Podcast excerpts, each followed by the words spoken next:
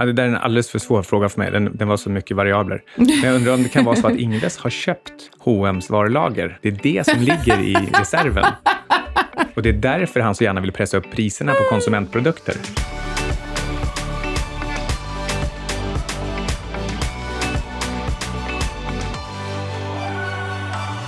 Hej och välkommen till Outsiders. Jag heter Carl Mikael Syding. Och här har ni Fröken Svan. Vad har du gjort idag? Eh, jag har promenerat runt Djurgården i glaggskor. Mm, det verkar ju väldigt rimligt. Varför det? Jag hade bråttom. mm. Vi har en sponsor idag. Och det är ingen mindre än mannen som ni hittar bredvid mig i EFNs eh, e börslunch eh, när dagens avsnitt av Outsider släpps den 5 april. Det är nämligen Erik Strand som förvaltar Pacific Precious. Eh, och Pacific Precious är ju en av våra partners, eller hur? Ja, vi gillar ju guld väldigt, väldigt mycket, så det är kul att han har varit med här och pratat om det också. Så um, man fick lära sig faktiskt var guldet kommer ifrån och att det är Fairtrade-guld för det mesta. Exakt. Och eh, det är faktiskt inte bara vi som gillar Pacific Precious, utan eh, det är faktiskt den mest ägda hedgefonden på Avanza. Mm, de har mer än dubblat antalet ägare på Avanza på väldigt kort tid. Och eh, jag menar, 7500 personer kan ju inte ha fel. Men eh, för er som i alla fall är, är intresserade av någon typ av ädelmetallsexponering så är Erik Strands eh, Pacific Precious ett definitivt superbra alternativ. Mm. Förutom att jag har vandrat runt Djurgården i klackskor idag så har jag också signat ett nytt kontor på... Jag tror faktiskt att det, det inte finns någon som kan säga emot mig när, när, när vi säger att det är stans bästa adress. Eller vad tycker du? Ja, jag tänkte just säga det, att jag misstänker att det är på någon fånig adress, typ Strandvägen 1. ja, men eh, jag har liksom alltid velat ha ett eh, kontor i guld eh, och nu har jag det. Så att, eh, nej, men det känns skitkul. Eh, Cygnus, Team Cygnus kommer sitta där. Så det var lite roligt. Så där flyttade jag in första juni. Eh, så nu får du äntligen lite egen tid igen. Ja, det är ju verkligen på tiden. Jag sitter hemma och försöker skriva min bok. Eh, Anna springer här exakt hela tiden. Inte och, den senaste veckan? Och, och, idag skrev jag klart boken, så nu behöver jag inte den här egen tiden. När får jag läsa den? När du vill, antar jag. Ja, snällt. Då kanske jag gör det när jag läst färdigt den här andra boken som jag läser just nu. Men någonting mycket, mycket mer spännande, det är att Intel har lanserat planerna på världens första EXA-dator. Det innebär att den kommer vara sju gånger snabbare än världens näst snabbaste dator. Och eh, lite av eh, poängen med den här datorn då, det är dels att den ska köras för AI-tillämpningar, så se upp för Skynet och Big Brother. Men det är också så att Intel vill med den här datorn slå Nvidia på fingrarna, för annars är det deras eh, grafikprocessorer som har börjat användas i de allra snabbaste datorerna. Men nu vill Intel visa att de kan också göra världens bästa processorer och inte bara sätta ihop dem i bra system. Grattis Intel, får vi väl säga då. Ja, men det väl, låter som att det är bara jag som tycker det där är roligt. Alla kritiserar mig. Eh, varför gör de det? Mitt liv eller... eller, eller ja, så, men det är väl in, ingenting. Ingenting går rätt för, för mig. Vad menar du? det är asbra. Ja, men alltså, jag pratar om mig. Theresa May. Theresa May. Fan vad dåligt. Hur många omröstningar har det varit i brittiska parlamentet egentligen? Jag tycker jag, jag lyssnar på om ni på morgonnyheterna varenda dag och i princip varenda gång så får jag höra “the nose have it”, “the nose have it”. det var jätteroligt. Uh, ja, nej, men det går inte så himla bra för mig idag, men det går desto bättre för din portfölj. Yes, berätta. det har hänt lite grejer. Ja, nej, men, uh, ja, det har det faktiskt gjort. Vi har, uh, jag har ju glömt köra portföljuppdatering i typ två veckor. Jag tror att jag glömde Det låter väldigt betryggande. Tack så mycket. Ja, nej, men vi, nej, men vi glömde det när jag var i Marbella. för att då var jag i Marbella. Och veckan efter så bara glömde vi av det. Men hur som helst, portföljen är upp cirka 0,7% förra veckan. Det var alltså eh, vecka 13 och OMX var ner ganska rejält eh, samma eh, vecka. Och resultatet berodde framförallt på Aselio, vi ska snacka lite mer om det, som, med, som en tyngde samtidigt av positivt HM-resultat och eh, sjunkande guldpris. Men slutresultatet var ju definitivt positivt, framförallt när man sätter det i relation till OMX. Ah, då var inte veckans uppgång i Aselio med? Nej, utan det här är alltså veckan innan. Eh, och eh, jag har faktiskt handlat Eh, Eh, jag köpte mera, nej jag skojar. Men däremot så eh, utökade jag min korta på H, i H&M på typ 155,50. Eh, och vi ska prata lite mer om både Aselio och H&M alldeles strax. Mm, temat idag är vad är fundamentalvärdering egentligen värt? Och eh, senast så pratade vi om värdering av tillväxtbolag och idag kanske vi kan säga att temat är krympande bolag, eller åtminstone lite mer fokus på substans, eget kapital, kassa, kassalikviditet och, och sådana saker. Vi ska även bara nämna någonting lite grann om risk och där kan du tänka Swedbank-risk. Det roliga är, jag tror att jag läste idag att Swedbank är en av Europas mest lönsamma banker, not anymore kanske, när de lägger ner sin eh, Eh, sin eh, kriminella verksamhet. Men, en, eh, en sidospaning är att om, eh, om Swedbank lämnar fältet fritt så kanske de andra bankerna kan öka sin lönsamhet. Exakt.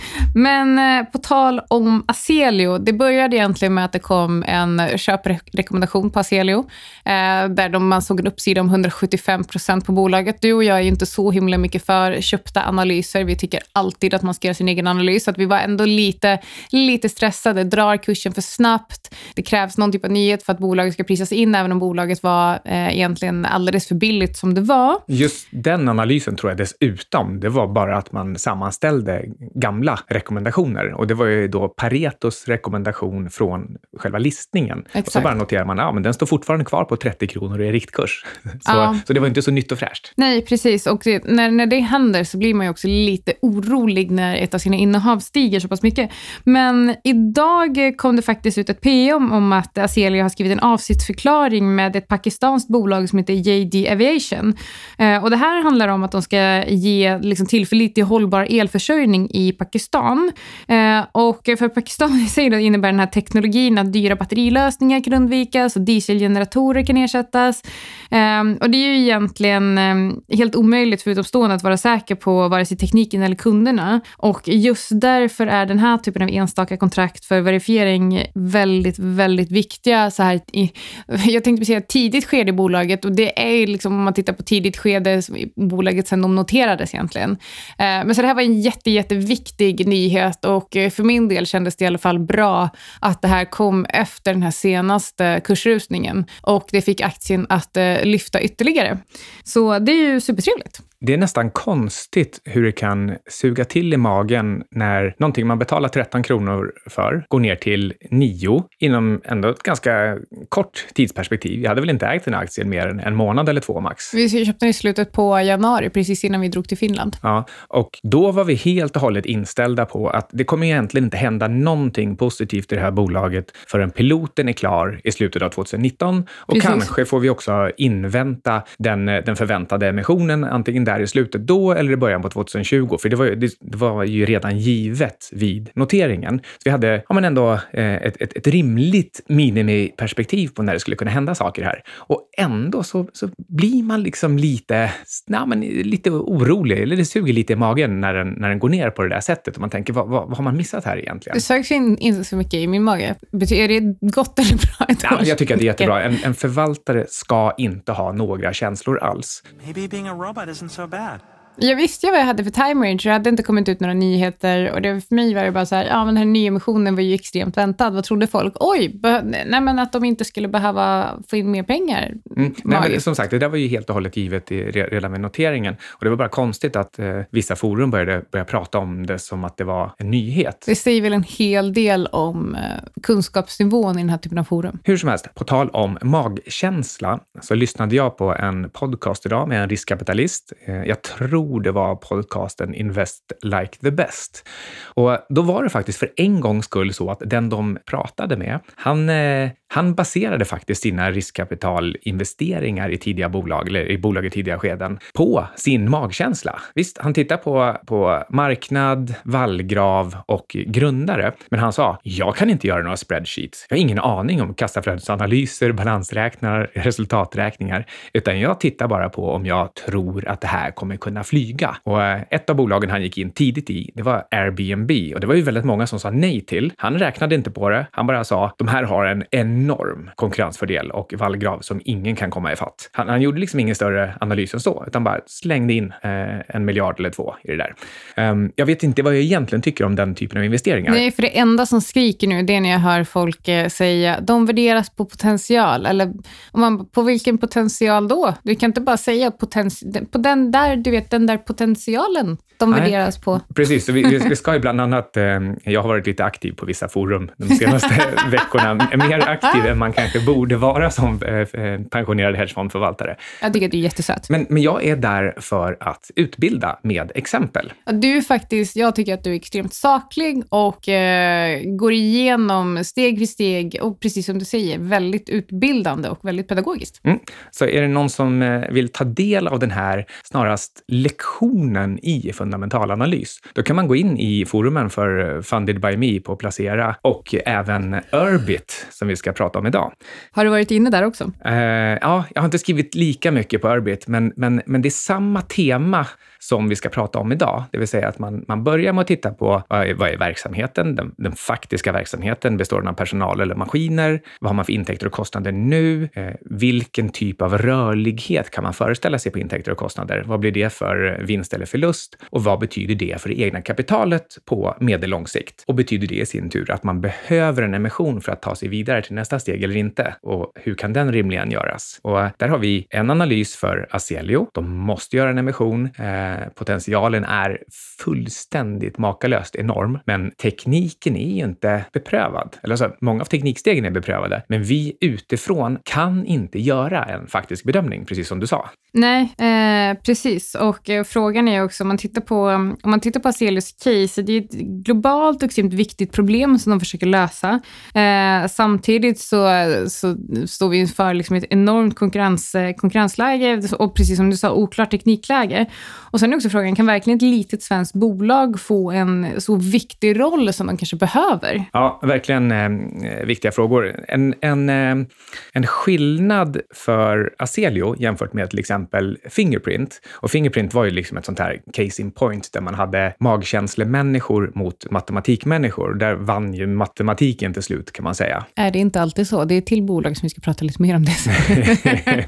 jo, matematiken vinner alltid. Men, eh, men ibland så kan eh, magkänslemänniskorna har rätt om matematiken utan att räkna efter. För det visar sig i efterhand att matematiken är, var så mycket mer exponentiell än man kanske kunde gissa först. Och eh, eh, i det här fallet så eh, en skillnad i alla fall att energimarknaden är extremt fragmenterad. Kunderna kan vara enstaka bostadsrättsföreningar eller hela stater. Men ta för Fingerprint till exempel, så ja, det finns väl bara fem mobiltelefontillverkare att räkna med. Så du har bara fem kunder och de kunderna, ja, men de bestämmer helt och hållet om du ska överleva eller inte. Och de tänker definitivt inte bli beroende av en enda fingeravtrycksleverantör. Absolut inte, och då kommer de till slut att utveckla, utveckla den här tekniken själva istället. Mm. Men en negativ sak med energi, det är att det finns så mycket pengar att tjäna där. Och för övrigt, energi är faktiskt det viktigaste i världen. Allting Absolut. handlar alltid om energi. Från att vi äter för att kunna röra på oss. Allting handlar om mig. Till, ja,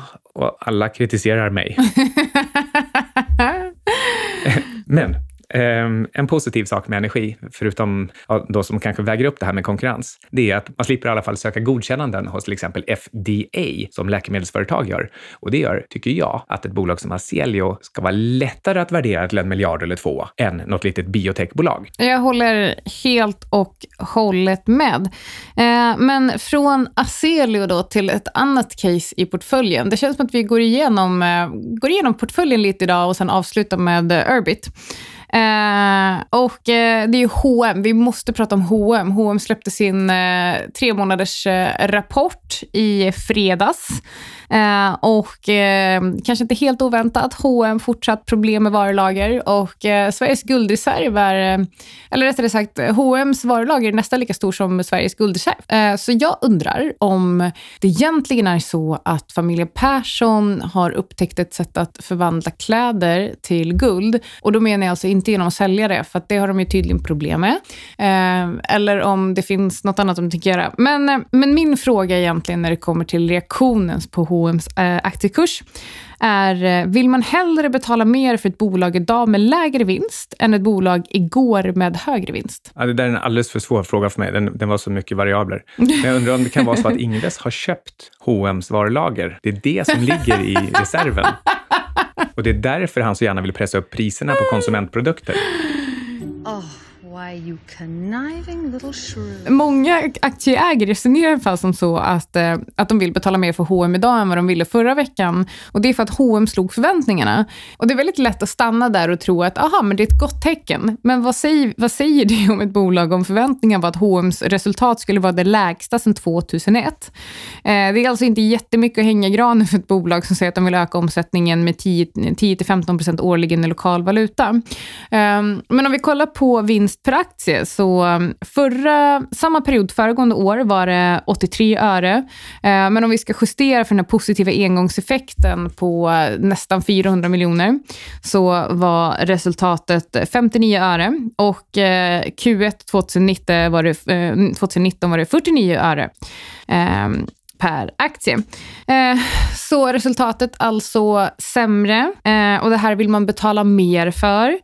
Eh, omsättningen var ju känd som innan, plus 4% i lokala valutor för hela Q1 och H&M flaggar för att mars har varit starkt med plus 7% för eh, 1 till 27 mars. Och ja, starkare än tidigare, men å andra sidan inte upp till bolagets egna mål. Men det var länge sedan sist. Och eh, då undrar jag, när kommer marknaden egentligen prisa in att det här bolaget fortfarande har problem? Och hur lång tid kan, kan det här, den här typen av case ta? Jag undrar egentligen, när blir marknaden efter, effektiv?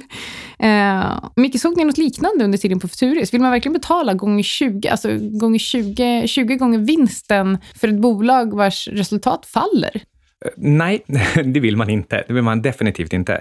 Um, möjligen så kan man väl ge någon rätt i att om, om de växer med mellan 4 och 7 procent, då är det i storleksordning med vad eh, resten av OMX eller kanske resten av Sverige faktiskt växer nominellt sett. Och då kanske man ändå kan föreställa sig någon typ av potential för marginalstabilisering. Men hittills har vi bara sett eh, mycket försämrade marginaler. Nu steg i och för sig marginalen från 49,9 procent till 50 procent eh, jämfört med samma period föregående år. Så man bara, grattis H&M, det går verkligen åt rätt håll. Ja, min, min, min poäng är bara att om man eh, ändå man tar i lite grann åt det positiva hållet, men inte riktigt så man kräks, då kanske man skulle kunna säga att ja, men H&M kan få värderas som resten av börsen. Och den ligger väl, antar jag, på ungefär 15. Den verkar den alltid göra, i alla fall på forward looking. Ja, då är den ju fortfarande för dyr då. Ja, ja definitivt. Typ eh, 25, 25 procent för dyr. Ja, så eh, så, så ja. det är det, det positiva caset kan man säga. Men annars, du frågade om jag, om jag har varit med om någonting liknande under den tiden som, som jag jobbade på Futuris, typ 2000 till 2015, då, då fanns det inte sådana värderingar som idag för bolag som eh, stod stilla eller, eller backade. Det var, det var definitivt inte den här typen av multiplar. En del försöker hävda att men det beror på att räntorna är lägre idag, men det stämmer ju förstås inte, för räntorna kommer bli högre igen sen. De, de rör sig i cykler så, och, och bolag värderas på cykler om 30, 40, 50 år. Eh, så om räntorna stiger under den perioden, då, då spelar det ingen roll vad, vad räntorna var idag. Men ett bolag, Volkswagen, en, en trött, stor biltillverkare. Det är ganska uppenbart att de inte plötsligt skjutsar iväg och, och ökar tillväxten eller marginalerna på något särskilt sätt. Men, men den här aktien gick, jag tror den gick 1000 procent ungefär på, på ett halvår. Och eh, vi tyckte den där gick, gick att shorta från ungefär nivån eh, 200-250 kronor, men den gick till över 1000, eller inte kronor, den gick väl i euro.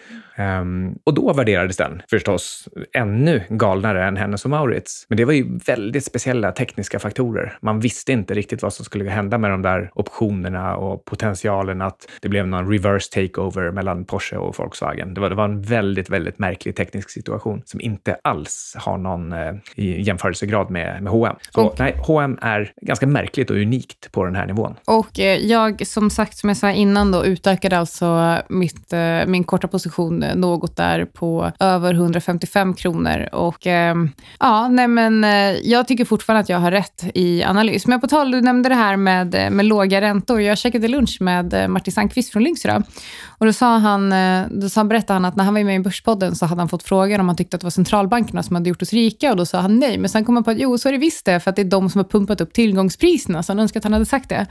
Eh, och då påminde honom, om, påminde honom igen om att med tanke på att det är de som har pumpat upp priserna och gjort oss rikare så är det nog väldigt, väldigt många som också kommer bli av med hela den förmögenheten också, om man inte nu har köpt massa guld. Precis. Oss och oss kanske ska definieras lite. Om, om oss är typ du och jag och han, Ja. så då är det väl kanske jag. Ja. Men eh, det är inte så många som har tillgångar eller som har ridit den här vågen, utan de har ju då istället tvärtom Konsumerat. och blivit fattiga i förhållande till de priser som de faktiskt kommer bli tvungna att betala för någonting i framtiden. Mm, absolut.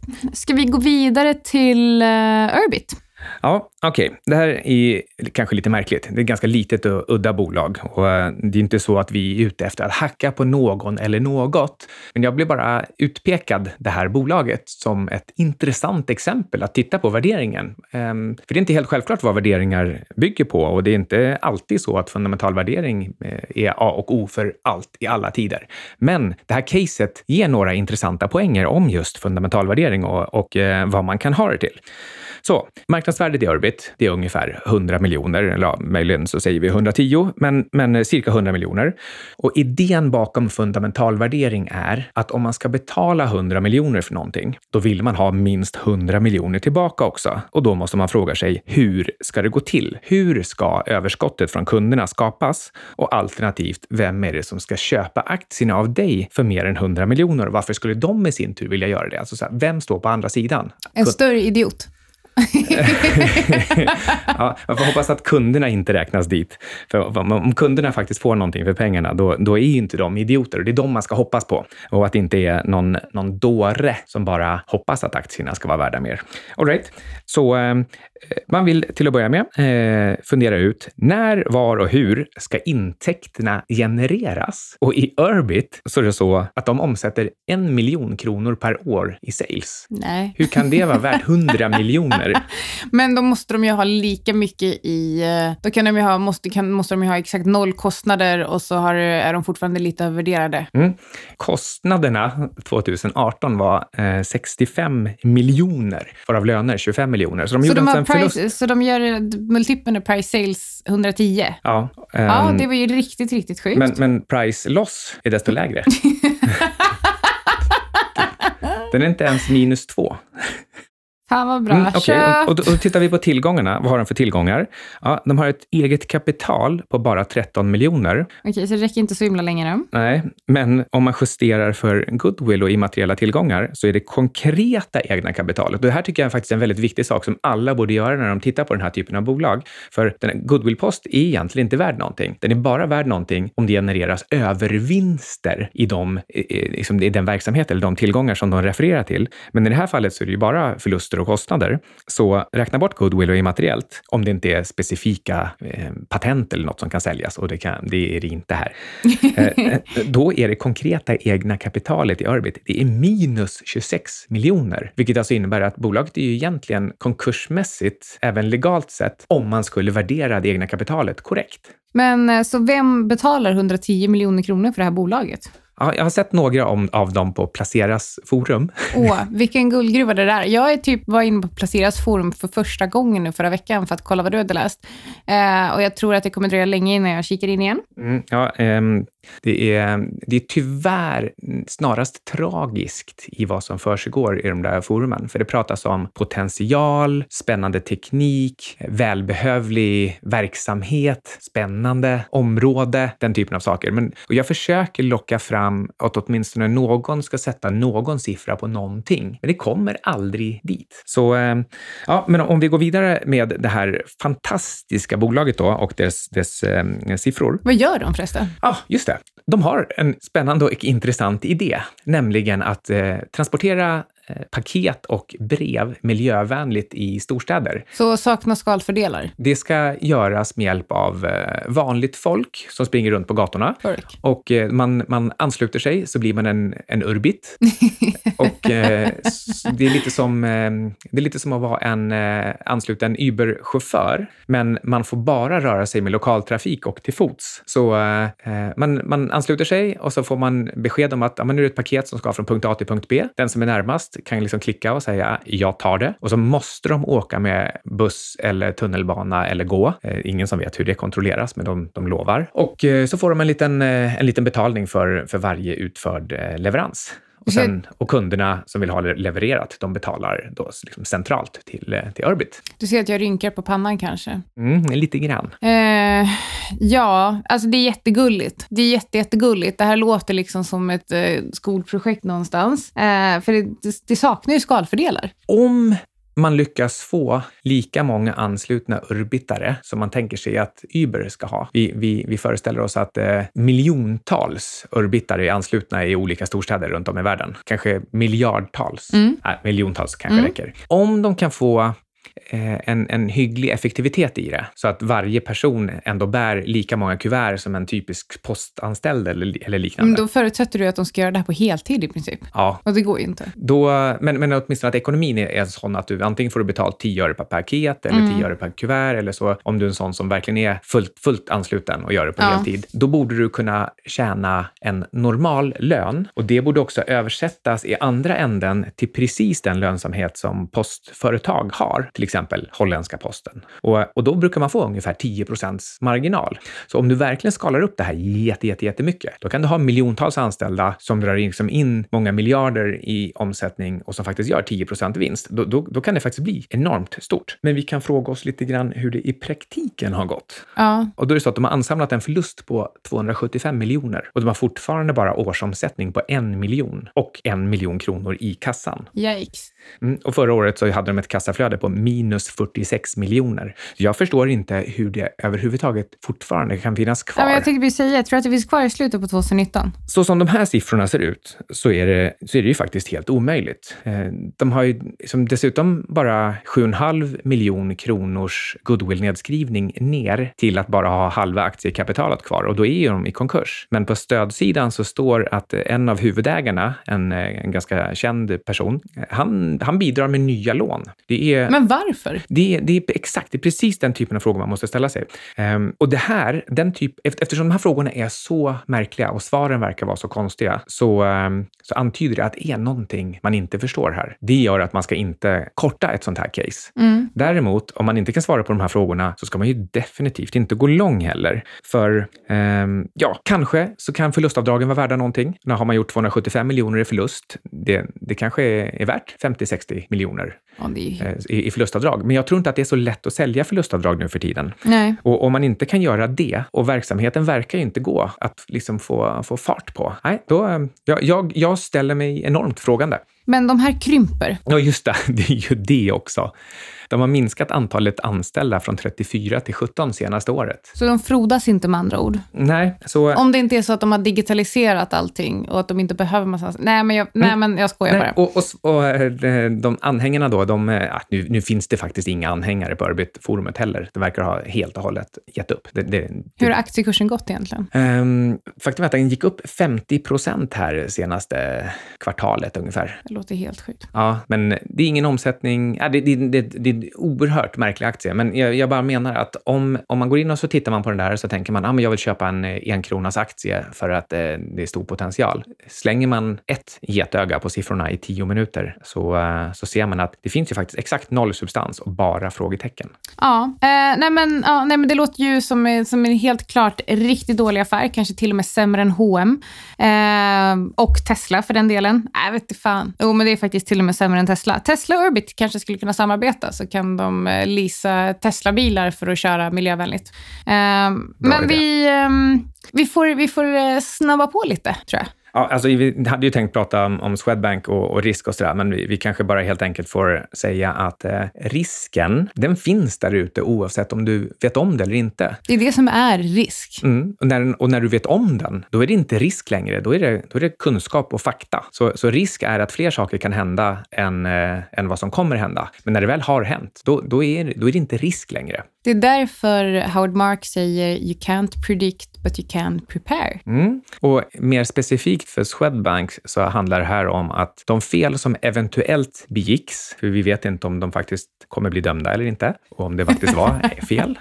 Oskyldiga jag, tills... Ja, jag blev uppläxad av det här på, på Twitter. Så, och vilka fel då? Det är ingen som har dömts för något. Oj, wow. Ah, nej, men okej, det är lugnt. Vdn fick sparken, men... eh, Ja, men de, de fel då som Nothing to see here, inget har hänt. De viks ju för flera år sedan. Då bakades de här arsenikdränkta russinen in i kakan. Sen att man öppnade kakan och, och hittade russinen Som härom, man dessutom hade mugglat vid det här laget. Ja, och kursen då föll. Det var inte att Swedbank plötsligt blev mer riskfyllt. Det var ju bara att den manifesterades i en kursutveckling. Sen kanske det, den inte har manifesterats tillräckligt. Så det betyder ju inte att Swedbank måste vara billig, snarare tvärtom. Det skriver vi om i vårt veckobrev Insiders, där jag går igenom siffrorna lite tydligare. Exakt. Eh, då där pratar vi, vi pratar både om eh, att man inte ska stirra sig blind på om price book faller under ett, för vi har faktiskt ingen aning om hur stora böter vi får. Men som sagt, signa upp er på, eh, på insiders på sydningssvan.com så kan ni läsa mer om det. Ja, så eh, sammanfattningsvis idag, fundamental värdering, det är inte alltid allt för alla. Men om det är så att du inte vet vad du gör, om du inte verkligen har den här typen av magkänsla som den här eh, framgångsrika riskkapitalisten har, ja, då är en snabb fundamental värdering någonting att hålla i sig i, för det, det ger dig ett eh, intervall, ett rimligt intervall av var någonting ska, ska ligga. Du kan mycket väl få motivera saker som ligger långt utanför normala värderingsintervall, men då är det upp till dig att förklara förklara hur intäkterna ska in, hur de ska fås in utan att kosta för mycket och vilka kunder som ska betala vilka priser när för att det här ska gå ihop. Exakt, så du skulle absolut kunna motivera price sales gånger 250, men då har du också ansvar för prognoser och dynamik som leder dit. Eh, och kan man inte svara på sådana frågor, då ska du inte röra bolaget. Nej, då ska du hålla dig till eh, egentligen kanske indexinvestering. Exakt, så låt proffsen göra jobbet om du inte orkar göra det själva. Yes, det betyder inte att det är vi som är proffsen. Inte än. Nej, nej du, du är det snart. Men det var allt för Outsider. Ja, och ingenting här var någon rekommendation. Det var det definitivt inte. Nej. Men eh, tack för att du har lyssnat så hörs vi nästa vecka. Hej då.